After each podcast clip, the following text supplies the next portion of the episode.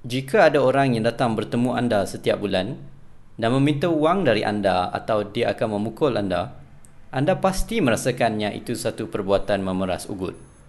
Tidak hairanlah buat setengah orang, kegiatan samsing itu dilihat tidak banyak bezanya dari apa yang dilakukan kerajaan-kerajaan sedunia apabila mereka mewajibkan warga negara untuk membayar dari pendapatan mereka pelbagai cukai dan taksiran dan fee yang jika mereka gagal boleh membawa tindakan undang-undang. Ya memang ini satu pemudahan yang berlebihan dalam menggambarkan isu ini tetapi ia membuka tirai untuk edisi podcast gelombang kali ini di mana kita akan membincangkan percukaian dan subsidi menurut sudut pandang ekonomi liberal.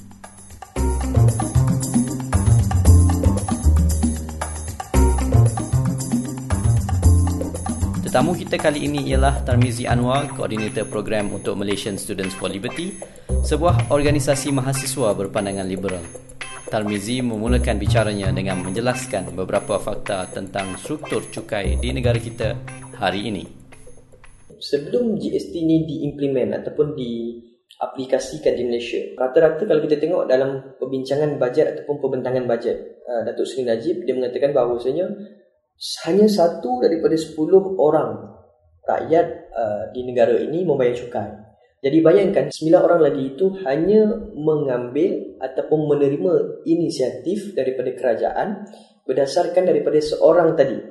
Jadi bayangkan bagaimana seorang tadi yang mungkin bekerja keras dan yang sepatutnya boleh digunakan untuk diri dia tapi sembilan lain sembilan orang yang lain tu telah menggunakan untuk ke untuk ke, ke keistimewaannya. Tapi bagaimanapun dalam konteks ekonomi kalau kita hanya bercakap dalam konteks ekonomi macam saya kata tadi memang kita tak kita memang akan menolak cukai itu sendiri. Tapi agak sukar apabila kita bercakap tentang political ekonomi. Di mana political ekonomi itu dia akan memberi kesan kepada uh, parti politik ataupun kerajaan yang memerintah dengan rakyat itu sendiri di mana rakyat telah mengundi mereka semasa mereka nak diundi mereka akan menjanjikan macam-macam ya. dan mereka terpaksa untuk memberi imbuhan kepada mereka ataupun rakyat yang telah memilih mereka ya. jadi itu yang kita katakan sebagai satu bebanan yang telah diambil oleh kerajaan untuk memastikan bahawasanya masyarakat uh, mendapat imbuhan tersebut Yalah kalau kita pandang dari sudut ekonomi semata-mata memang kita takkan nampak kerelevanan Tapi bila kita pandang dari sudut politik ekonomi kita akan tengok bagaimana masyarakat dan juga kerajaan itu saling saling membantu ataupun saling perlu memerlukan. Menurut EPU, subsidi bahan api di Malaysia yang dibiayai kerajaan sebahagian besarnya digunakan oleh golongan berpendapatan pertengahan dan tinggi maka ada yang berpegang dengan pendapat lebih elok sekiranya kerajaan menyalurkan bantuan yang lebih tersasar. Sebaliknya di dalam kes GST, apa yang berlaku ialah bukannya cukai yang lebih tersasar diperkenalkan, tetapi sebaliknya ia merupakan cukai yang lebih meluas. Kritikan terhadap cukai-cukai sebegini bukan sahaja GST saja tapi juga lain-lain um, jenis cukai yang bertindak seperti uh, yang menggunakan mekanisme yang sama ialah ia regresif ia memberi kesan negatif kepada golongan yang berpandang rendah. Walaupun daripada segi penggunaan daripada segi konsumsi sama hmm. tetapi peratusan pendapatan yang mereka yang golongan berpandang rendah gunakan untuk membayar cukai lebih tinggi walaupun jumlah efektif lebih rendah. Saya secara saya peribadi memang saya tidak menafikan bahawasanya Uh, dasar percukaian yang baru ataupun GST ataupun apa-apa cukai yang dikenakan berbentuk seperti GST ataupun VAT, value added tax. Sebenarnya cukai-cukai ini memang memberi kesan kepada masyarakat yang kita kata golongan rendah. Apabila kerajaan memberikan uh, mengenakan satu polisi ataupun uh, mengimplement satu-satu polisi di mana dia mempunyai timbang tara. Timbang tara. Contoh uh, kalau saya kata uh, apabila kerajaan memberi mengambil subsidi uh, mengambil cukai secara tak langsung dia sepatutnya memberikan subsidi eh memulangkan balik uh, ataupun apabila dia mengambil duit daripada rakyat dia memang sepatutnya memberi balik perkhidmatan kepada rakyat itu sendiri eh? dan dan di, di, di situ kalau kita lihat di mana kalau seperti hari ini lah kalau kita tengok bagaimana BRIM BRIM adalah satu mekanisme yang saya fikir agak agak baik eh? ya, ya. ataupun kita boleh kata agak baik apabila mekanisme itu adalah subsidi yang tersasar dan bagaimana kaedah mereka memberikan itu adalah kepada mereka yang kita kata memang betul-betul ber, ber, berpendapatan rendah eh, berdasarkan daripada range yang telah mereka buat kajian satu perkara lagi penting adalah bagaimana sebenarnya uh, government ataupun kerajaan uh, melihat uh, pentingnya subsidi itu ataupun dana yang diambil oleh rakyat itu digunakan secara efektif. Efektif minta maaf bukan efektif tapi secara efisien. Dan sebagai seorang rakyat yang membayar cukai inilah pentingnya supaya mereka memastikan uh, kerajaan lebih beraccountability eh, dan memastikan bahawasanya kerajaan tidak menggunakan atau membazirkan duit itu sewenang-wenangnya eh, tetapi apa tetapi mengembalikan balik khidmat sosial itu kepada rakyat itu sendiri saya fikir ini akan memberikan satu lagi proses kesihatan demokrasi yang yang yang mungkin kita kata boleh dijadi dijadikan satu rujukan ataupun aspek penting dalam demokrasi di Malaysia. Secara amnya, sudut pandang ekonomi liberal tidak gemar dengan percukaian, luas ataupun sempit. Tetapi seperti yang kita sedar di Malaysia, jurang pendapatan di antara golongan kaya dan miskin besar Malah ada yang mencadangkan tangga juga pendapatan harus dikaji semula untuk mengenakan kadar yang lebih tinggi buat golongan multimilioner dan bilioner.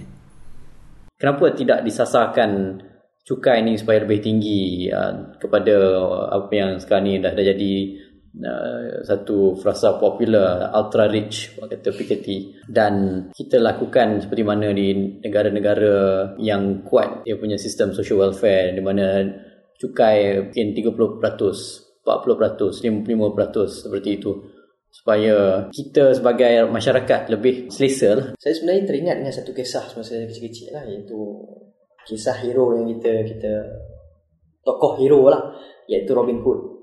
Eh, di mana Robin Hood ni kisah dia adalah kerja dia pergi ambil harta orang yang kaya dan berikan kepada orang miskin. Sedangkan tindakan dia mengambil itu adalah mencuri dan memberi kepada orang yang miskin. Baik. Apabila kita telah bersetuju untuk ada sesebuah negara, saya tidak bersetuju bahawasanya dana ataupun pengurusan uh, kerajaan itu dibiayai oleh hanya sesetengah golongan. Eh?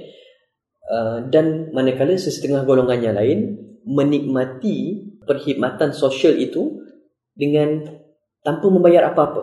Eh, bermaksud tanpa dengan tanggungjawab. Baik. Kalau kita tengok ini bagaimana? Ini berlainan dengan satu konsep yang kita kata dalam dalam contoh saya kata tadi ini adalah voluntary eh. Dia satu berlainan konsep di mana cukai ini agak berbeza dengan konsep zakat kerana zakat ini adalah satu uh, konsep yang dilakukan oleh seseorang penganut yang mempercayai agamanya iaitu muslim yang percaya agama Islam dan dia membayar zakat itu adalah kerana dia percaya bahawasanya dengan dia membayar zakat itu eh, dia akan dapat kebaikan. Bukan dia membayar zakat kerana orang lain datang kepada dia aku kena bayar zakat.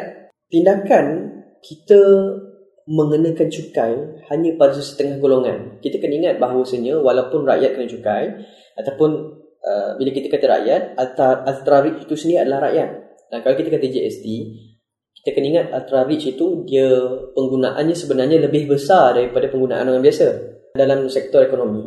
Contoh macam saya, saya bekerja.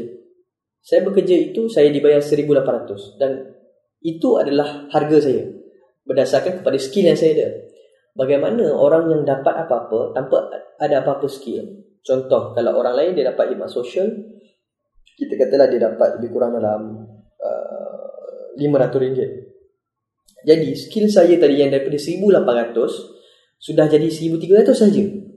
Yang sepatutnya skill saya tadi tu boleh 1800. Jadi kalau macam tu baik saya berhenti juga. Saya hanya saya tak buat apa saya dapat 500. So itu adalah antara itu mungkin figure yang kecil. Kalau kita tengok di negara-negara luar hingga sampai 800 dolar dan sebagainya sebenarnya memberikan uh, pada nilai yang lebih tinggi. Bukan sahaja Malaysia yang sedang melalui proses transformasi ekonomi di mana usaha untuk meliberalisasikan ekonomi giat berlaku. Suasana yang sama turut dialami di negara-negara membangun yang lain seperti Ghana, Indonesia, malah China sekalipun. Buat pendukung ekonomi liberal, Penghapusan campur tangan kerajaan akan membawa pertumbuhan ekonomi yang lebih pesat. Seperti yang disampaikan di dalam sebuah kajian World Bank yang mengatakan hampir 80% dari peningkatan di dalam pendapatan golongan 40% termiskin di 108 negara adalah kesan dari pertumbuhan ekonomi dan bukan program pengedaran semula kekayaan negara. Pendokong ekonomi liberal, dia percaya bahawasanya ada dua perkara iaitu pertama adalah individual liberty dengan kebebasan. Baik.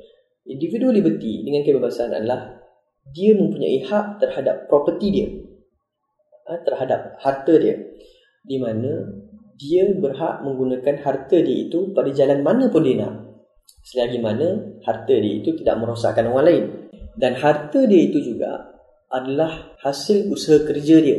Eh, tidak berhak diambil oleh orang lain secara paksaan kepadanya. Dan apabila kita kata dengan bertanggungjawab, sebenarnya apabila orang kaya itu sekiranya dia berjumpa dengan seorang miskin di kedai ataupun di mana-mana pun menjadi tanggungjawab dia memberi wang kepada dia kepada orang itu. Eh, inisiatif dia sendiri. Apa yang dia buat itu dengan rasa rela diri dia sendiri. Bukan dengan mana-mana paksaan daripada uh, orang lain. Itu sahaja untuk podcast kali ini bersama Tarmizi dari Malaysian Students for Liberty. Bagaimana anda terkesan dengan usaha-usaha rasionalisasi kerajaan yang kita bincangkan tadi? Tinggalkan komen anda di laman Gelombang dan baca lebih lanjut tentang topik ini di gelombang.wordpress.com. Oh jangan lupa untuk langgan kami di bawah dan ceritalah dekat member-member bagi ramai sikit dengar. Sehingga lain kali, Assalamualaikum.